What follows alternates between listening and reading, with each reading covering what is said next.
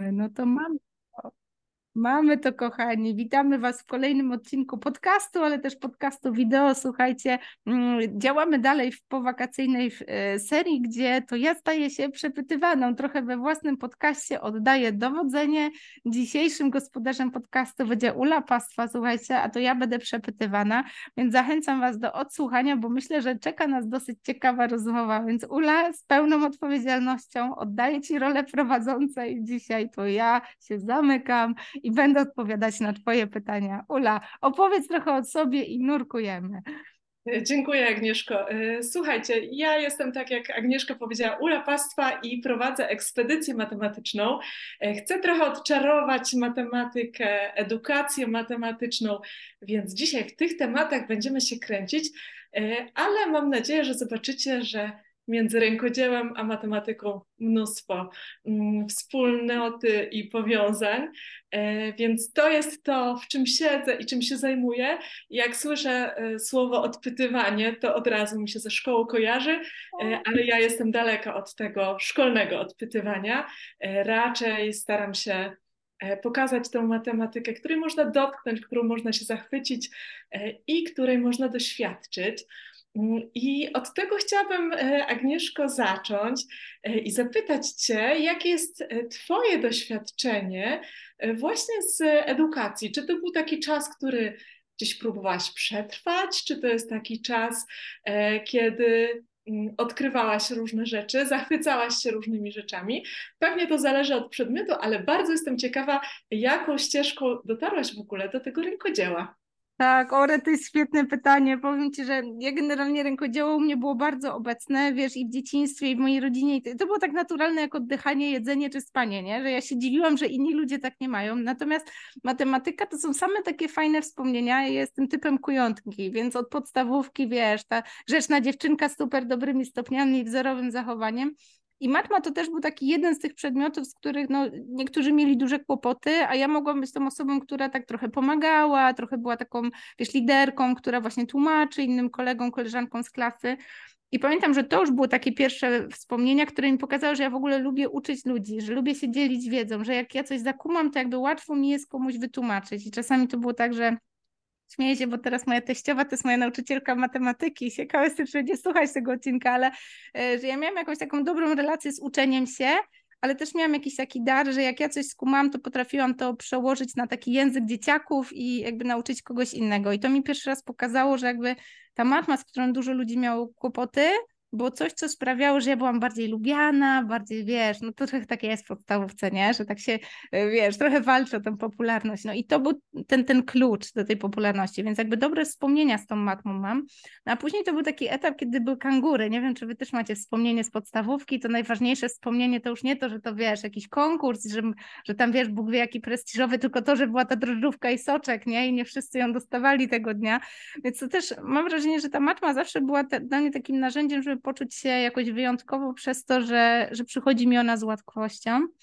I pamiętam, że później miałam takie totalnie przeciwne doświadczenie już na studiach architektury, bo no ja miałam taką dosyć wyboistą drogę na architekturę, że najpierw studiowałam filologię angielską, bo jakby w tej mojej małej miejscowości ciężko było się rysunku uczyć, który był potrzebny na egzamin, więc ja najpierw poszłam na filologię, zdawałam tam maturę z historii polskiego, angielskiego, natomiast później jak chciałam na architekturę, no to najpierw nie mogłam się dostać, bo ja byłam stara matura, a tam w międzyczasie była nowa, a ja nie miałam punktów z matmy, więc ta matma była takim, kurde, przecież jestem dobra z matmy, a ja nie mam punktów z matmy i nie pozwalacie mi zdać tej matury drugi raz, bo jest już inna ale jestem dobra z matmy, jak ja mam wam to pokazać? To było takie pierwsze uczucie, takie wiesz, takiej niesprawiedliwości systemu, gdzieś wpadła między te, te wiesz, te, te pory systemu.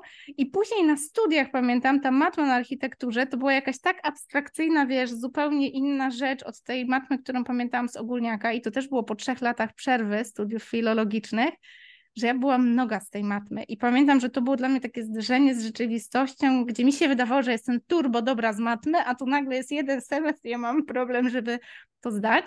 I bardzo mocno zakumplowałam się wtedy też z taką koleżanką, którą od początku się gdzieś na studiach trzymałyśmy i ja na początku o tym nie wiedziałam, ale ona równolegle studiowała matematykę, równolegle do architektury.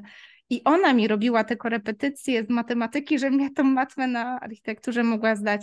I pamiętam, że wtedy miałam takie poczucie, że moja historia zatoczyła koło, że kiedyś ja kogoś uczyłam i tak trochę miałam takie, wiesz, te uczucia, że no jak możesz tego nie rozumieć? To jest takie proste, przecież ja to umiem, tłumaczę ci. Natomiast tu ja byłam w roli tej osoby, której się tłumaczy i ta Aga się też, bo też Agnieszka i też się tak nie mogła nadziwić, że ja czegoś nie mogę skumać.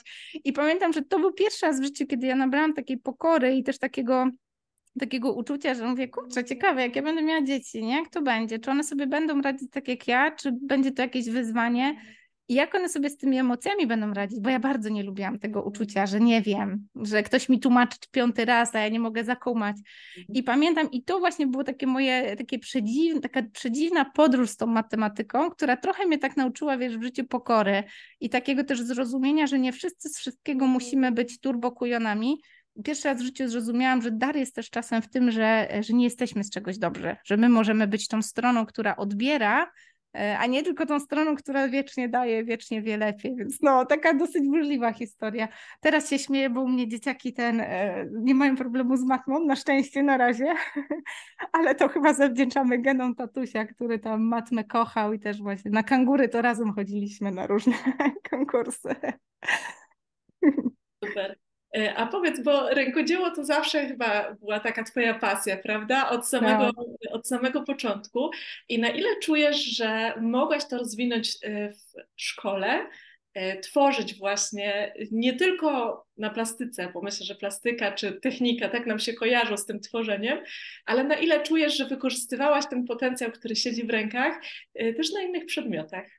No właśnie to jest takie przedziwne, bo teraz wiesz, jak jestem starsza, to ja widzę te połączenia, nie? I dziwię się, że właśnie nasz system edukacji tego nie wykorzystuje. Ty to robisz w pracy, nie? Że na przykład e, uczę, nie wiem, wzoru szydełkowego i tam czasami trzeba powielić jakiś wzór, że nie wiem, trzy razy ten sam rząd, e, ale w jednym się coś modyfikuje, dodaje się oczko, więc z każdym rzędem na przykład tam jest 10, 11, 12 oczek w rzędzie i to trochę tak się jedno wiąże z tą matematyką, nie? To się widzi te wzory n plus 1 i tak dalej.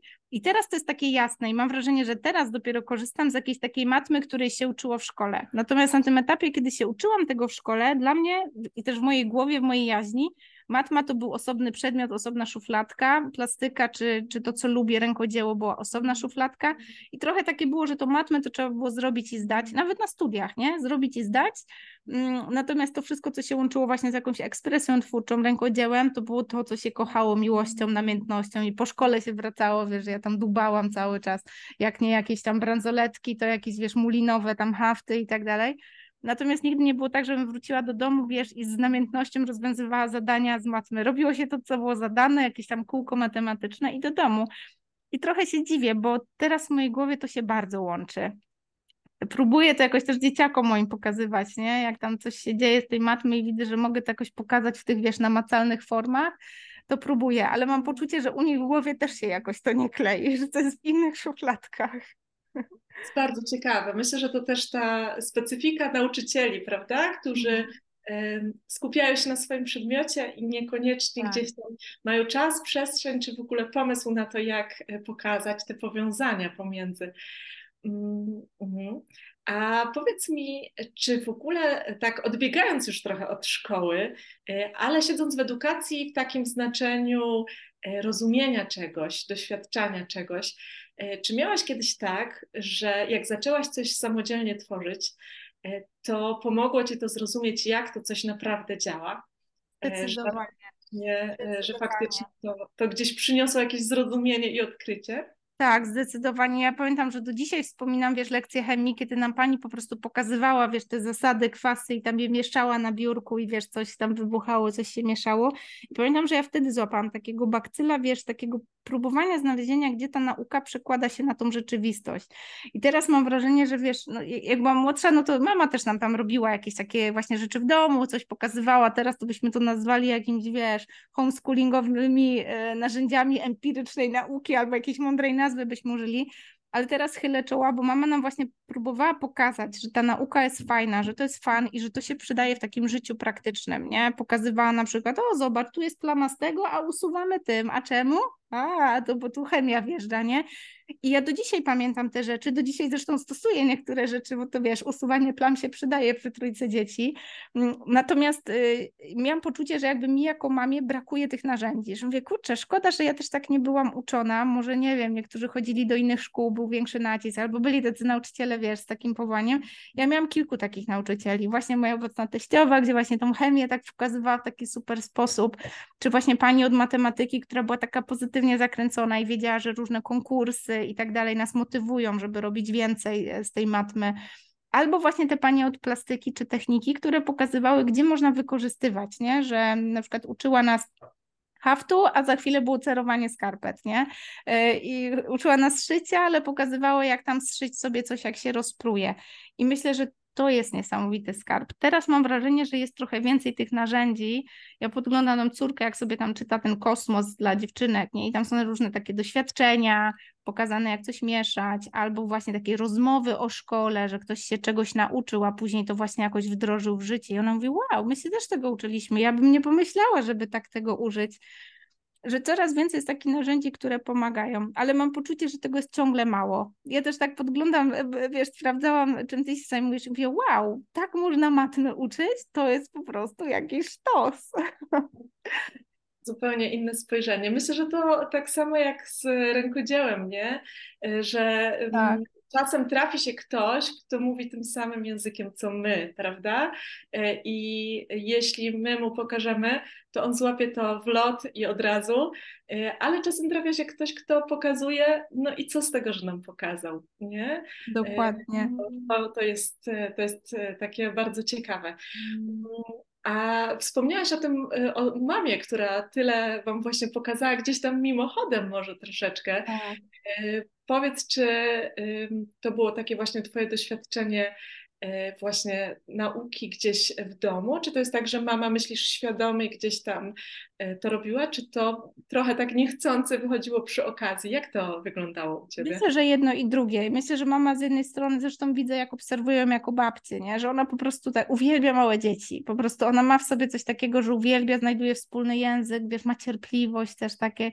E, I, i wiem, że się mówi, że babcie mają większą cierpliwość, ale ja też pamiętam moją mamę jako mamę, jako taką turbocierpliwą osobę, która zawsze usiadła, wytłumaczyła, wiesz, wysłuchała, dała się wypłakać i tak dalej.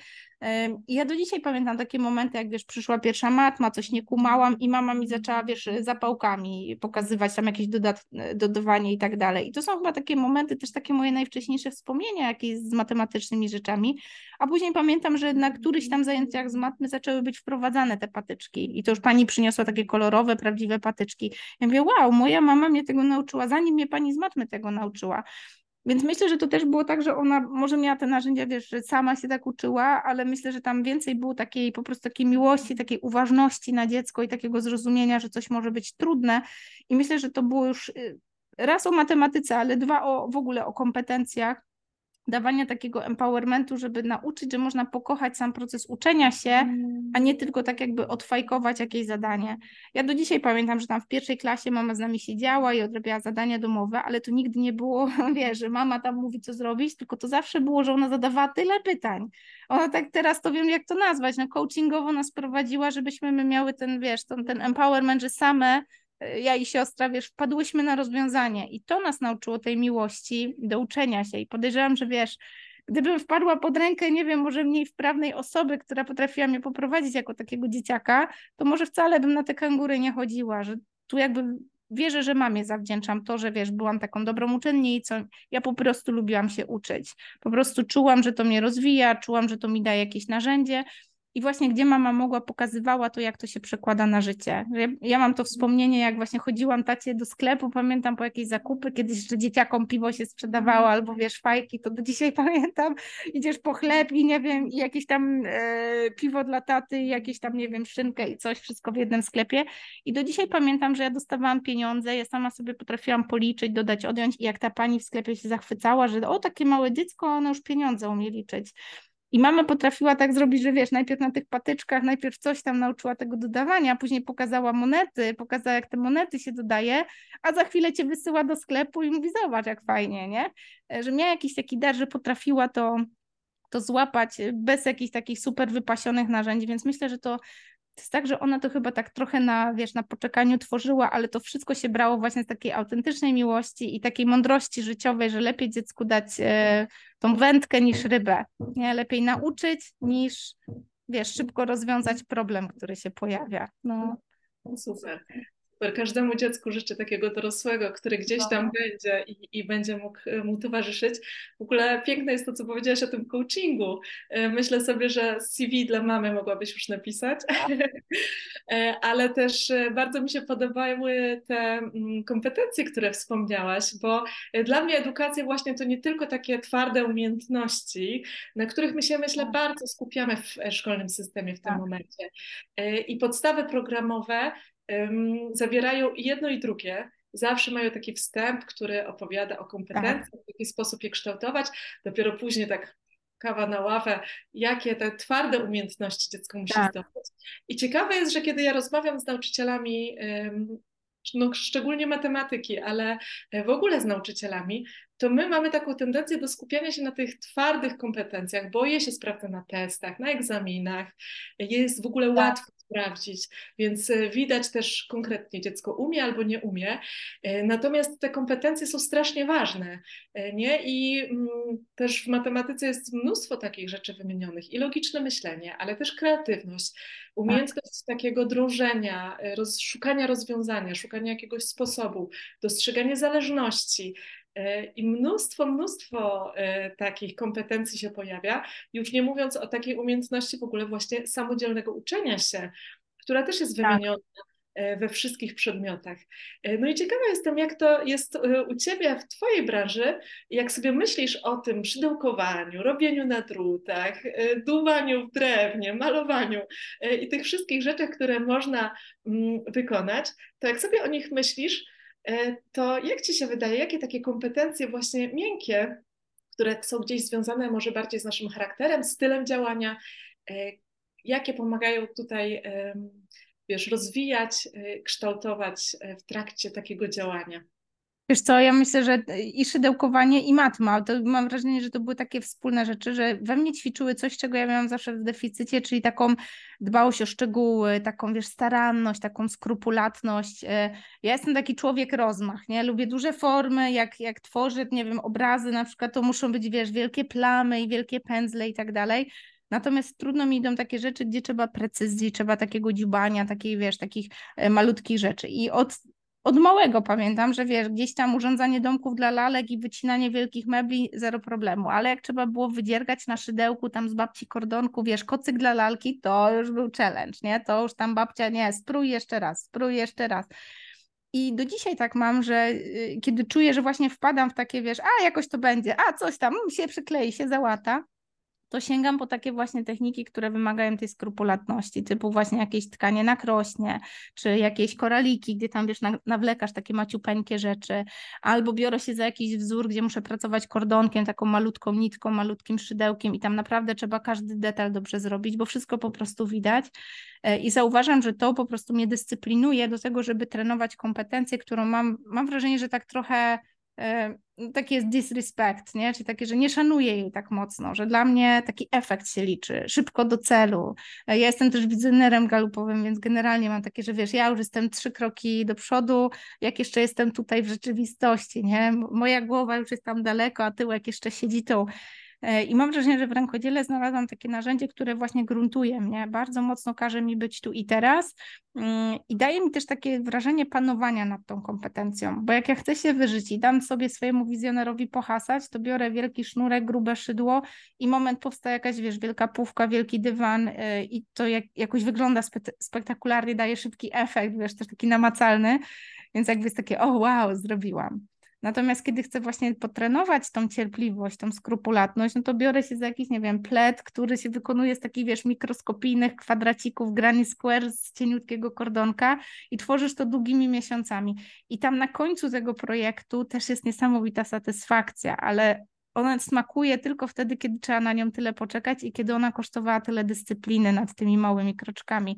Mm, więc za, zaczęłam w tym dostrzegać taką wartość i to trochę też się tak wiąże z tą matmą, że tam jest więcej liczenia, więcej skupienia. Jak się raz pomylisz w tym obliczeniu, to cała reszta wzoru powstaje nie tak jak trzeba. Więc to uczy takiej kompetencji, której myślę mi w życiu mocno brakowało takiego przywiązywania tego, e, tej wartości i ważności, nadawania ważności, nadawania priorytetu tym detalom, tym szczegółom nie? że ja, ja to jestem mocniej w tych y, ogółach. I tak mam wrażenie, że jak patrzę na moje dzieciaki, to też jest tak, że jak, jak widzę, że właśnie Lena jest taka bardziej skrupulatna, takie pierwsze dziecko, nie? Tak wszystko porządnie, od linijki, cacy i zgodnie z regułami, to jej, jej fajnie idzie rękodzieło takie drobne, małe. Natomiast Tomek, to, to, on się bierze tylko za te techniki, gdzie można naprawdę poszaleć i wyjść poza ramy, wiesz, tego, co można w technice, nie? Jak malowanie to łapami po prostu, żaden, żaden pędzelek, nie? Um, i cieszę się, bo jak na nich patrzę, to też patrzę, jak, jak bardzo rękodzieło może być takim narzędziem, gdzie my możemy z tym świadomie pracować. Bo czasami to jest kwestia, ok, chcę popracować nad tym, żeby być bardziej skrupulatna, ale może wcale nie, może ja chcę zaakceptować, że wcale taka nie jestem i będę rozwijać to, że, że mam rozmach, nie?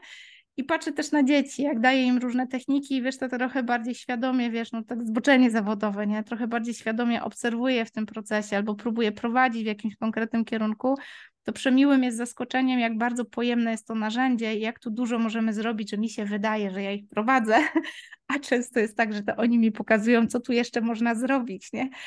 A że dzieci mają tą naturalną taką, wiesz, właściwość, że bezkrytycznie podchodzą do tego, tak naturalnie wchodzą w te procesy, to bardzo często różne takie narzędzia, które, wiesz, ja, ja tworzę na potrzeby swojej pracy, to mają miejsce przy tym kuchennym stole. Chwilę po rozwiązywaniu zadań z matmy, albo chwilę po tym, jak tam sobie coś, nie wiem, filcujemy czy dziergamy wspólnie, nie?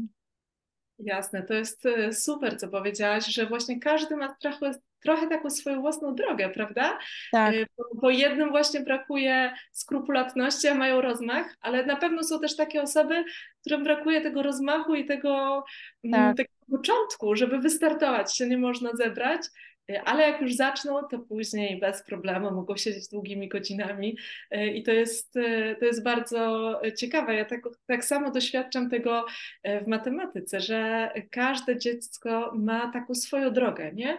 Jedne się tak. łatwo zabierają i jak już wejdą w jakiś temat, to drążą i drążą i drążą i drążą, ale miałam też takich uczniów, którzy po dwóch lekcjach o czymś już nie mogli, już mieli ochotę na coś innego, coś nowego, doświadczyć, e, żeby coś, czegoś zupełnie e, z innej bajki, bo dla nich e, tutaj już czuli, że te postępy, które czynią, tak. już są właśnie drobne, malutkie, że to już nie jest to, na co, mm, na co oni czekają. I, I fajne jest takie właśnie świadome patrzenie na to, jak właśnie możemy się rozwijać i co jest naszą mocną stroną, a co jest takim obszarem, nad którym chcemy pracować. Bo też jeśli świadomie do tak. tego podejdziemy, to też możemy faktycznie dzieci wesprzeć bardzo mocno y, w tym, żeby one też świadomie na to popatrzyły tak. i decydowały, czy to jest coś, czego one potrzebują, co chcą rozwinąć, czy chcą machnąć ręką, bo też tak czasem jest, nie? Nie każdy człowiek potrzebuje skrupulatności w życiu, tak. ale niektórzy mają taką potrzebę, żeby jednak to w sobie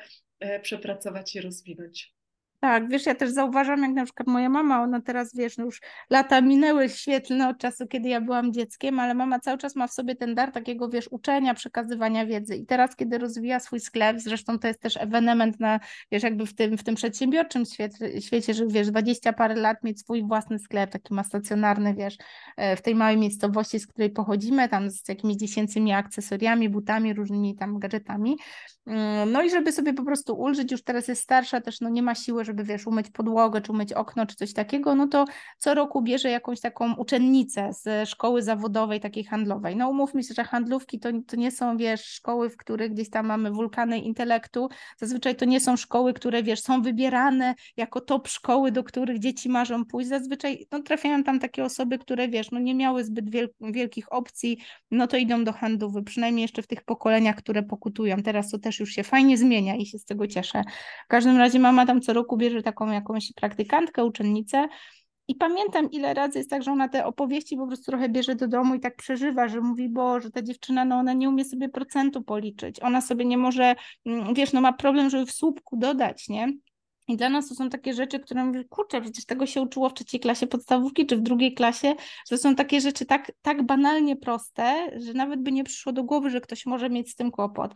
No ale często to są też dziewczyny, które gdzieś tam są w jakiejś trudnej sytuacji rodzinnej. Nie chcę wchodzić w te opowieści, bo to czasami są takie opowieści, że serce pęka. Zakładam, że to no, nie miały takiej mamy czy taty, czy kogoś, kto by usiadł z tą matmą i po prostu pokazał, że, że da się tego nauczyć, że to jest proste.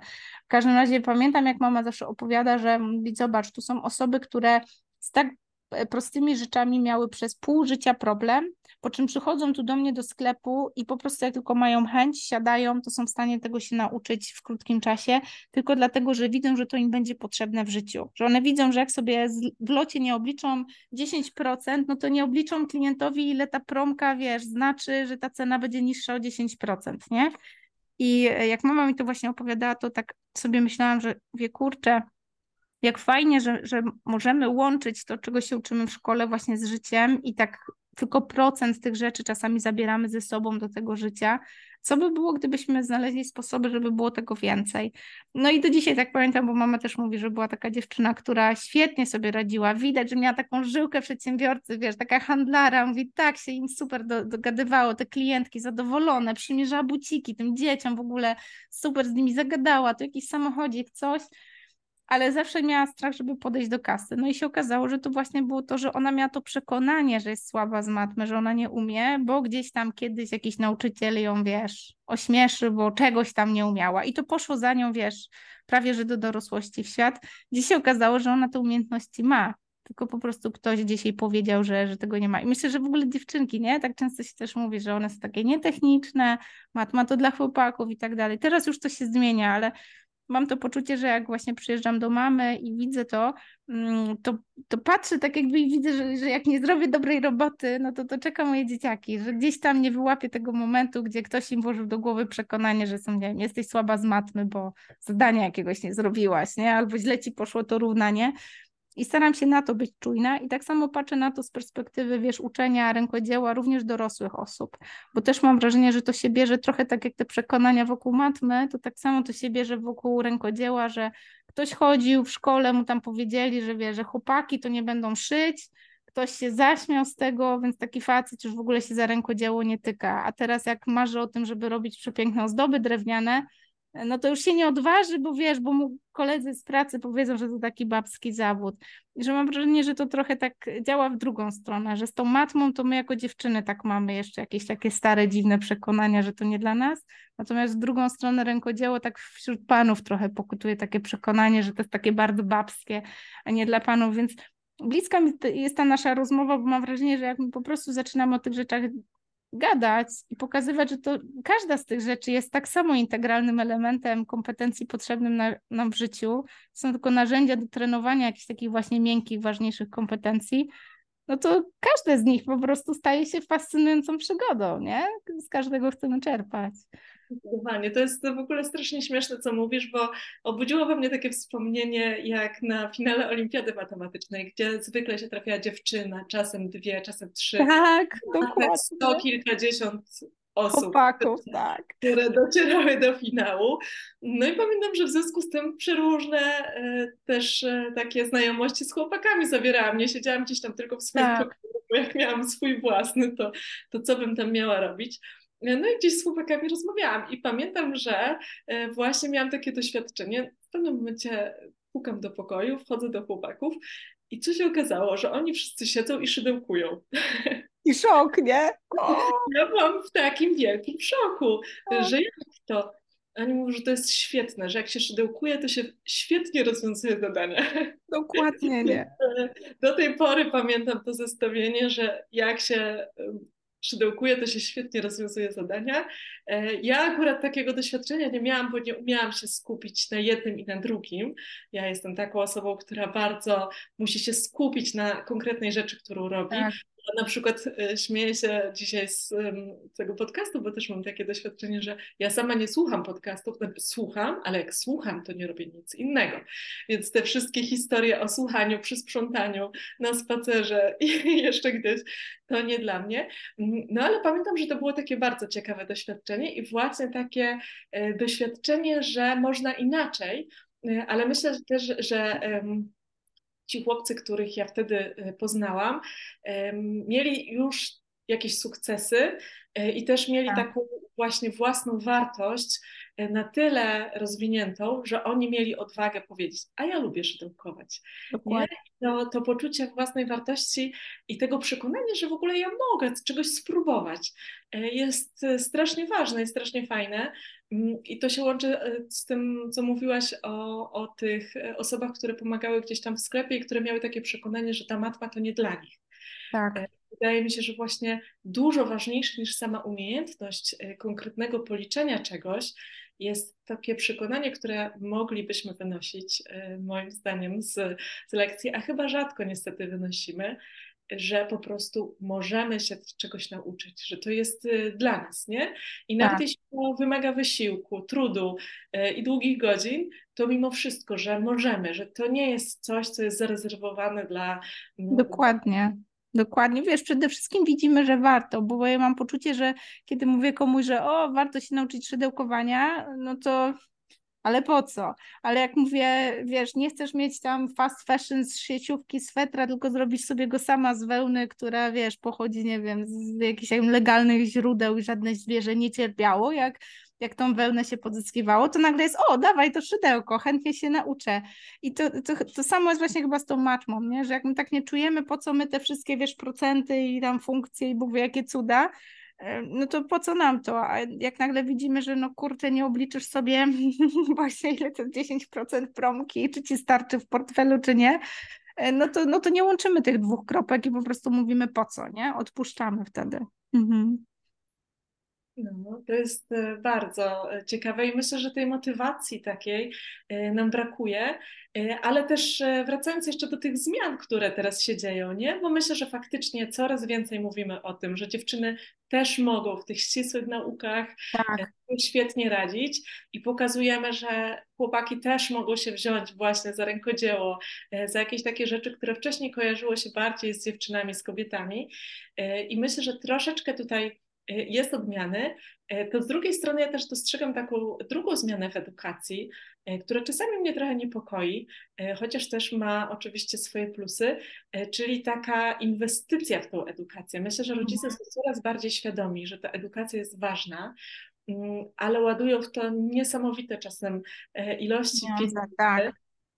I to, to, jest, to jest ciekawe, mm, ale z drugiej strony czasami to, czego nam brakuje, E, to jest właśnie to zainteresowanie, czy rodzica, czy, czy kogoś, kto te zajęcia prowadzi i właśnie pokazanie, ty możesz, nie? Takie... Zdecydowanie. Wiesz, ja mogę też, wiesz, z perspektywy rodzica, bo y, wiesz, no, była taka decyzja w pewnym momencie, no jesteśmy w Poznaniu, w centrum Poznania, rzut beretem od takiej super wypasionej prywatnej szkoły, no i oczywiście pierwsza myśl, no wow, czemu nie, no zarabiamy, tak, poślijmy nasze dzieci, wiesz, lans, przecież wszystkich rodziców.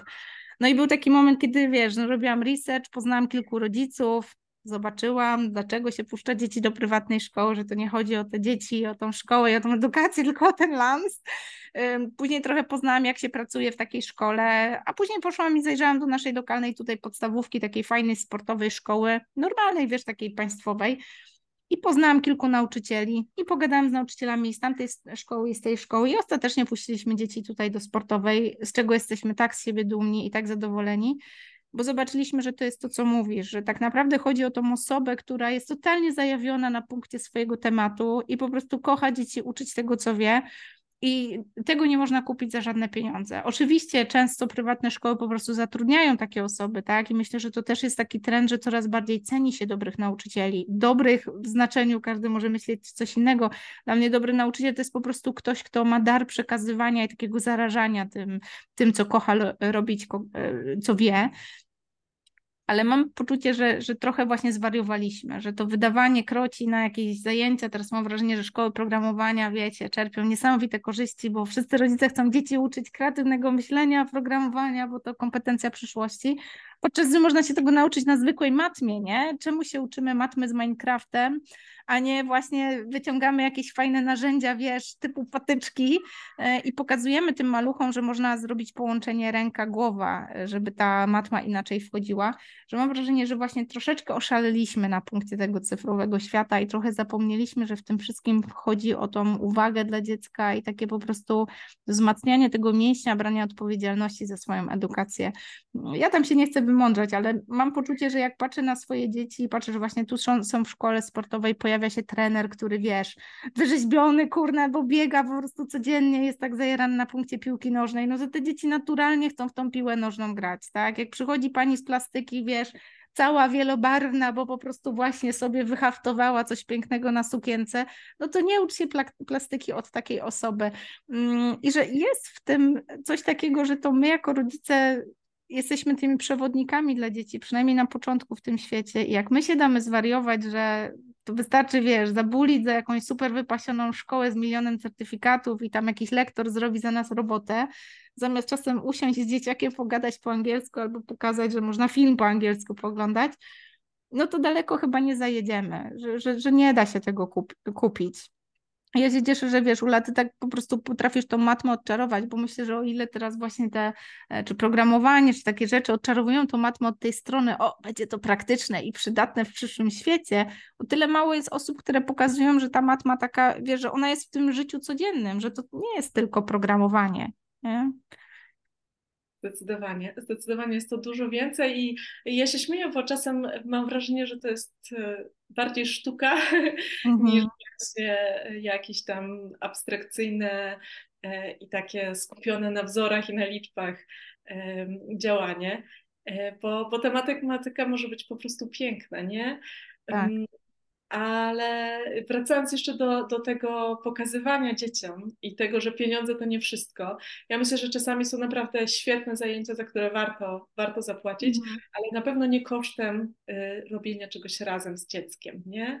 Y, I że ta relacja i to towarzyszenie dziecku, y, nawet jeśli my bezpośrednio nie jesteśmy w stanie go czegoś nauczyć, tylko tak mm, tylko po prostu towarzyszyć, zapytać z zainteresowaniem, z ciekawością, tak a co tam nowego, e, to też e, bardzo dużo zmienia. I właśnie ciekawa jestem, jakie jest Twoje doświadczenie mm, uczenia własnych dzieci może niekoniecznie matematyki, ale właśnie chociażby rękodzieła. Jak to jest? Co czujesz, że to zmienia w waszej relacji i właśnie w oczach dzieci też? Jak one zaczynają podchodzić? Tak, mega dobre pytanie. Powiem Ci, że tu jest takie, wiesz, skonfrontowanie wyobrażeń z rzeczywistością, bo ja oczywiście taka wizja, że wiesz, no jak Agnieszka od rękodzieła, oplotki, wszyscy kojarzą z rękodziełem, przynajmniej na polskim rynku, nie? Królowa rękodzieła w online'ach, nie? A tu się okazuje, że moje dzieci wcale tak nie kochają rękodzieła jak ja. E, I taki długo miałam taki, taki zgrzyt, że no jak, no wstyd, no przecież, no co za failure jako matka, że ja nie nauczyłam wszystkich technik rękodzieła, zanim skończą, wiesz, piąty rok życia. Natomiast bardzo dużo mam takich fajnych wspomnień, że siadamy, coś tam zaczynamy filcować, bo siadamy, uczelenkę, nie wiem, szydełkowania, czy właśnie haftowania i tak dalej. Natomiast coś, czego ja się musiałam nauczyć w tym procesie, to jest to, że nic na siłę i to nie jest, że ja będę teraz jakieś, e, wiesz, projekcje moich pozytywnych wspomnień z rękodziełem nakładać na XXI wiek świata dzieci, które no wolą sobie czasem Minecrafta potrzaskać, no nie czarujmy się. Natomiast to nauczenie się dawania tej przestrzeni. I zauważyłam, że kiedy złapałam tą umiejętność takiego, że jak ja sobie siadam i dziergam, to ja nie muszę dzieci ciągnąć ze sobą, bo one same wtedy przyjdą i się zaciekawią, mimo że będą chciały, a jak nie, to też jest ok. To, to, była ta kompetencja, której tak naprawdę nauczyło mnie rękodzieło w relacji z moimi dziećmi. Oczywiście, jak były malutkie, to bardzo pomagało, no bo które dziecko nie lubi, wiesz, paćkać rękami w farbkach i bawić się w kolorowych włóczkach i tak dalej, i tak dalej. To było łatwiejsze. Natomiast teraz, kiedy są starsi, to, to rękodzieło i próby uczenia rękodzieła moich dzieci mm, pokazały mi taką pokorę w tym akceptowaniu, że ktoś może tego nie kochać aż tak bardzo jak ja, albo po prostu nie jest to odpowiedni czas. Natomiast też pokazało mi, że to niekoniecznie ja muszę być tym nauczycielem. Co dla mnie było zaskakujące, że wiesz, ja te moje dzieci próbuję non-stop, tu podsuwam, wiesz, a tu może hafta, może szydełka, może coś tam, mówię, o fajne zdjęcie na Insta będą, jak to sobie pięknie z dziećmi y, mama się uczy. Natomiast się okazało, że moja córka podłapała szydełkowanie wcale nie ode mnie, tylko od babci. Później była na jakimś obozie, ktoś ją nauczył robić mulinowe bransoletki i właśnie to była ta najlepsza przygoda, że to nie ja pomagałam jej odkrywać ten świat. Więc dla mnie to też była ta lekcja, jak ważne są te figury nauczycieli w życiu naszych dzieci, że to wcale nie musimy być my. my. I z jednej strony to było dla mnie takie uwalniające, takie trochę tą presję jakoś z siebie ściągnęłam, ale z drugiej strony to pokazanie, że ja mogę po prostu zadbać o to, żeby te moje dzieci otoczyć osobami, które mogą stać się dla nich autorytetem, ale jednocześnie nie, nie wywierać presji, żeby były. Więc dla nas to teraz były, nie wiem, decyzje typu, nie wiem, tam syn sobie wymyślił, że chce w piłkę, wiecie, które dziecko teraz nie chce w piłkę, jak tam lewy ciągle na tapecie, nie? No to, no to sobie wymyślił, że chce na piłkę, no to była kwestia wybrania jakiegoś klubu właśnie nie przez pryzmat, o, bo wiecie, no na Lecha trzeba chodzić, żeby polansować wszystkim znajomym, że chodzi na, do klubu Lecha, tylko podejście na przykład i, i sprawdzenie, gdzie jest jakiś trener, pogadanie z rodzicami, co się w tych klubach dzieje. No i tutaj wybraliśmy akurat Polonię Poznań, bo się okazuje, że często jeżdżą na turnieje, te dzieciaki często jeżdżą na jakieś fajne wyjazdy i się okazuje, że ci trenerzy to są osoby, które jeszcze chwilę temu same dopiero co grały, dopiero się uczyły, więc one pamiętają jak to jest, wiesz, pierwszy trener, pierwszy wyjazd, pierwsza lekcja. No i takie świeżaczki, tam siedmiu, ośmiolatki, ten mój Tomek pokochał piłkę. Się okazało, że ściągnięcie z siebie te, tego wymogu, że to ja muszę moje dziecko wszystkiego uczyć i oddelegowanie tego do kogoś, kto to po prostu kocha, kto to fajnie robi. Często to są osoby dużo, dużo młodsze, więc to też jest takie trochę tutaj to swoje ego trzeba schować w kieszeni, że wow, ta, ta osoba jest po prostu bliżej mojego dziecka, nie? Bo ona jeszcze pamięta, jak to jest y, być tym uczniem to to dla mnie było takie cenne. I co dla mnie na przykład było fajnym doświadczeniem, taką mieliśmy panią, która tam w angielskim pomagała dzieciakom, gdzie jestem po filologii angielskiej, wiecie, teście rodzice się dziwili, że jak to ty nie uczysz, wydajesz pieniądze na kogoś, kto uczy angielskiego. I ja pamiętam, że to było takie przepiękne doświadczenie, że właśnie ta Lenka wróciła do mnie, żeby się pochwalić. I to było to napędzające, że ja chcę się uczyć z kimś innym tego angielskiego, żeby móc mamie zaimponować, bo ja wiem, że mama po angielsku mówi. I tam, wiesz, oglądała moją mowę TEDxową i mówi, mamo, ja rozumiem, o czym ty tam mówiłaś. I to było takie piękne doświadczenie. I marzę trochę o takim momencie, może to gdzieś jest tak z tyłu głowy, to rozwijanie oplotek, że wiesz, że, że, że to, te moje dzieciaki wpadną na którejś z warsztatów, moich, wiesz, osób ze społeczności i w ten sposób odkryją ten świat, że to nie ja muszę im to pokazać. Więc myślę, że to jest taka lekcja, którą, wiesz, ja odebrałam, jak spokorniałam E, ale jednocześnie dałam sobie przestrzeń, tak wiesz, trochę się zwolniłam tej odpowiedzialności, że to my, rodzice, wszystko musimy. Możemy sobie to życie rodzica trochę ułatwić, a teraz mamy fajne narzędzia w dzisiejszych czasach. Zdecydowanie, zdecydowanie i myślę, że ta relacja rodzica z dzieckiem też jest czasami taka specyficzna. Ja mam bardzo tak. podobnie z tą e, matmą, bo moje dzieci akurat matmę kochają, ale nie zawsze lubią robić ją ze mną. Po prostu, bo one mają poczucie, że ja jestem już wszechwiedząca w tym temacie. Tak. E, I to sprawia, że ta presja, którą one czują, mimo że ja nie mam jakichś oczekiwań konkretnych, że coś konkretnie muszą się nauczyć, bardziej chciałabym je zaprosić do czegoś fajnego, mm, czasami y, jest taka bardzo blokująca i, i właśnie y, czasami okazuje się, że dla moich dzieci dużo ciekawsze jest y, to, że ja im pomogę właśnie zrobić coś tak, tak manualnie, albo nawet pomogę im z polskim, z angielskim, które nie są takim moim e, konikiem, ale coś pamiętam i jestem w stanie im je w tym wesprzeć, więc to mm, tak. faktycznie jest e, bardzo ciekawe. I tak w tym kontekście też chciałam Cię zapytać, na ile czujesz, że warto pokazywać, że coś czasem nie wychodzi i opowiadać o tych błędach? Na ile masz takie doświadczenie, że to jest ważne w tej edukacji, w pokazywaniu, jak coś robimy, a na ile czujesz, że lepiej się skupiać na tym, jak robić dobrze. Tak, zdecydowanie, wiesz, i to jest takie bardzo trudne, bo i na poziomie jakby rozumu, jakiejś wrażliwości czy jakiejś dojrzałości emocjonalnej wiemy, że warto, nie? Że, że warto tym dzieciom odczarowywać. To, co powiedziałaś, że jak one czują, że my jesteśmy już takie zen i wiemy wszystko, to w ogóle no, nie będą nam o tych błędach mówić, czy w ogóle będą się bały przy nas być, bo my już takie idealne, a im ciągle nie wychodzi, nie? I jakby ja mam poczucie, że jakby na tym poziomie jaźni my wiemy, że warto pokazywać, kiedy nam nie wychodzi, gdzie popełniamy błędy. Natomiast w praktyce to jest bardzo trudne. Ja widzę siebie na przykład, jak mi ciężko przychodzi przyznawanie się, że nie wiem, początki były trudne. Ja pamiętam, jak pisałam książkę oplotkową ja tam, wiesz, uchyliłam tak kurtynkę, pokazałam, co tak naprawdę nie wyszło w oplotki i stało się jakby tą podwaliną do tego, dlaczego się tak, a nie inaczej zmieniał ten ekosystem, dlaczego ta firma się tak, a nie inaczej rozwijała. I pamiętam, jak trudno mi było o tych błędach pisać, pomimo, że one były z perspektywy czasu. A i tak było to łatwiejsze niż w momencie, kiedy masz poczucie, że coś nie wychodzi. No chcesz się wtedy schować i raczej światu nie pokazywać.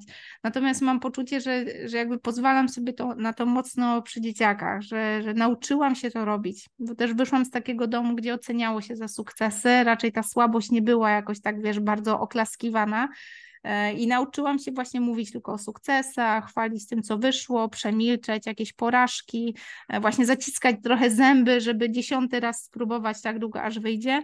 Natomiast staram się to robić świadomie tutaj u nas, żeby dzieciakom pokazywać, co mi nie wyszło, albo opowiadać o tym. I widzę, że im to pomaga. Widzę, że na przykład no, mieliśmy ostatnią akcję, wierszyk do nauczenia, cztery wersy, no i mąż rzucił tam od niechcenia, bo on to sportowiec, który wiesz, wszystko zawsze zostawiał na ostatnią chwilę, jakoś mu się fartnęło, no dziecko nauczycielki, więc też umówmy się, że miał jakieś fory w małej podstawówce, no ale rzucił od niechcenia, że a taki wierszy to pięć minut się nauczysz.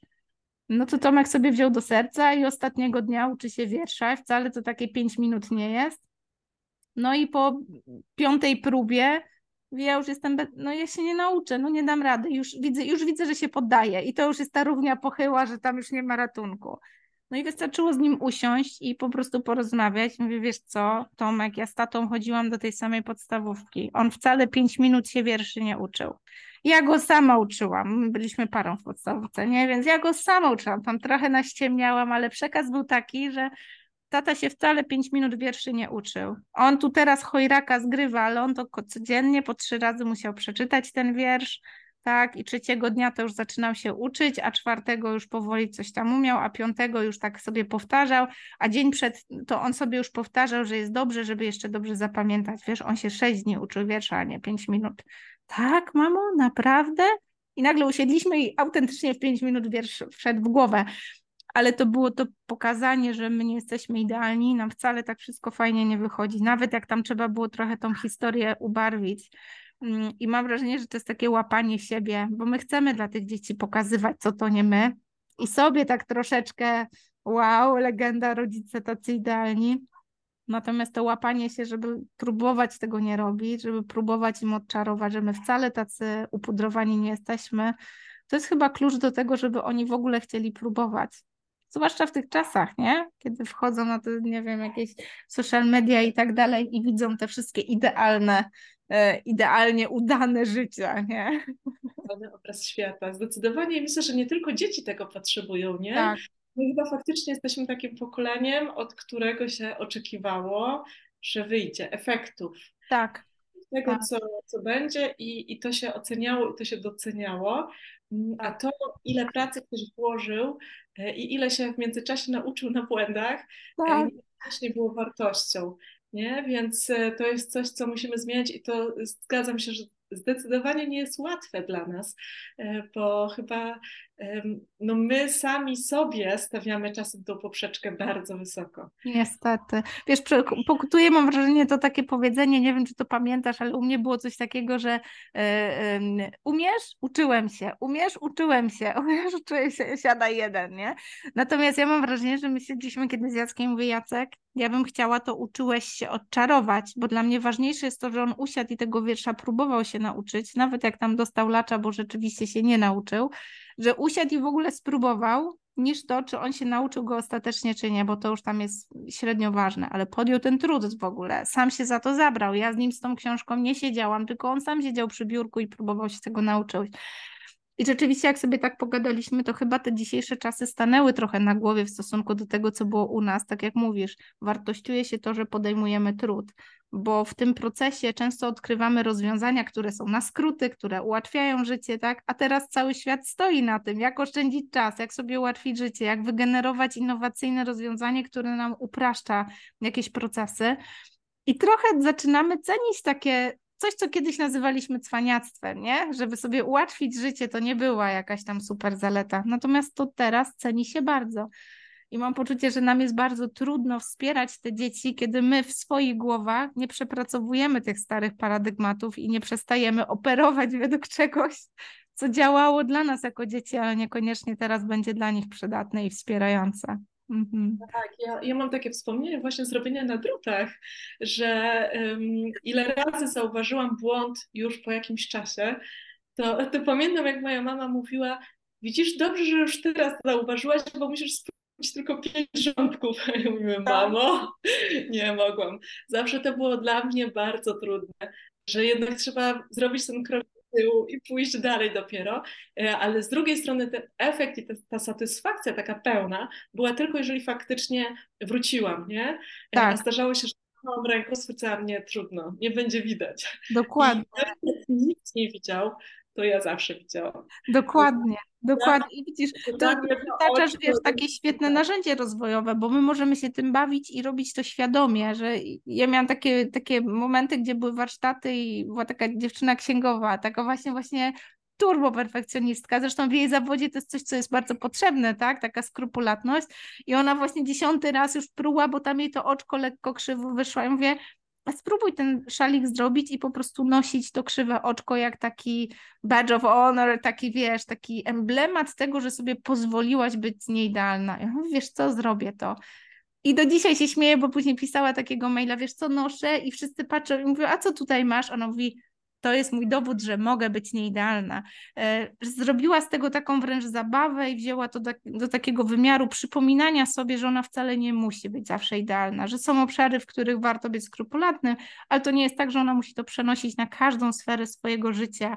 E, I to było dla niej takie uwalniające, więc fajnie, że o tym mówisz, bo myślę, że rękodzieło daje też takie narzędzia, żeby właśnie bawić się tym świadomie, podejmować decyzje, a nie jechać na takim autopilocie, nie? Że tak musi być i kropka.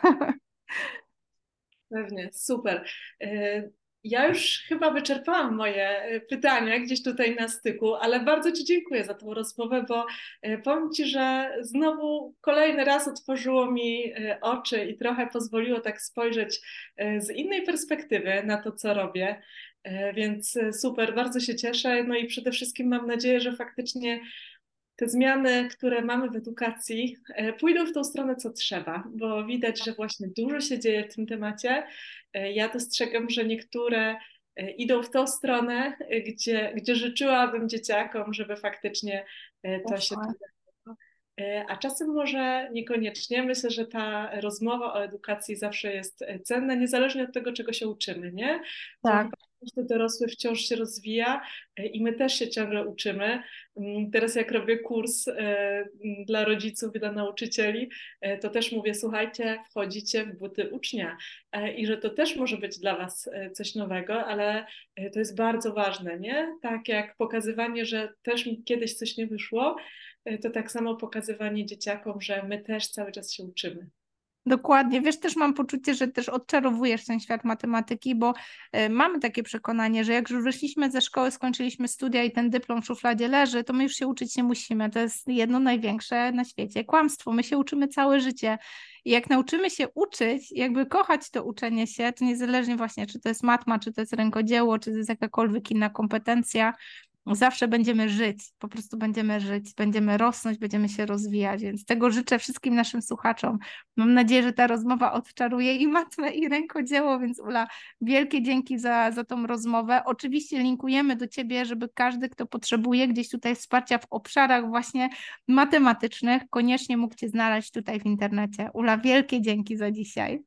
Dziękuję.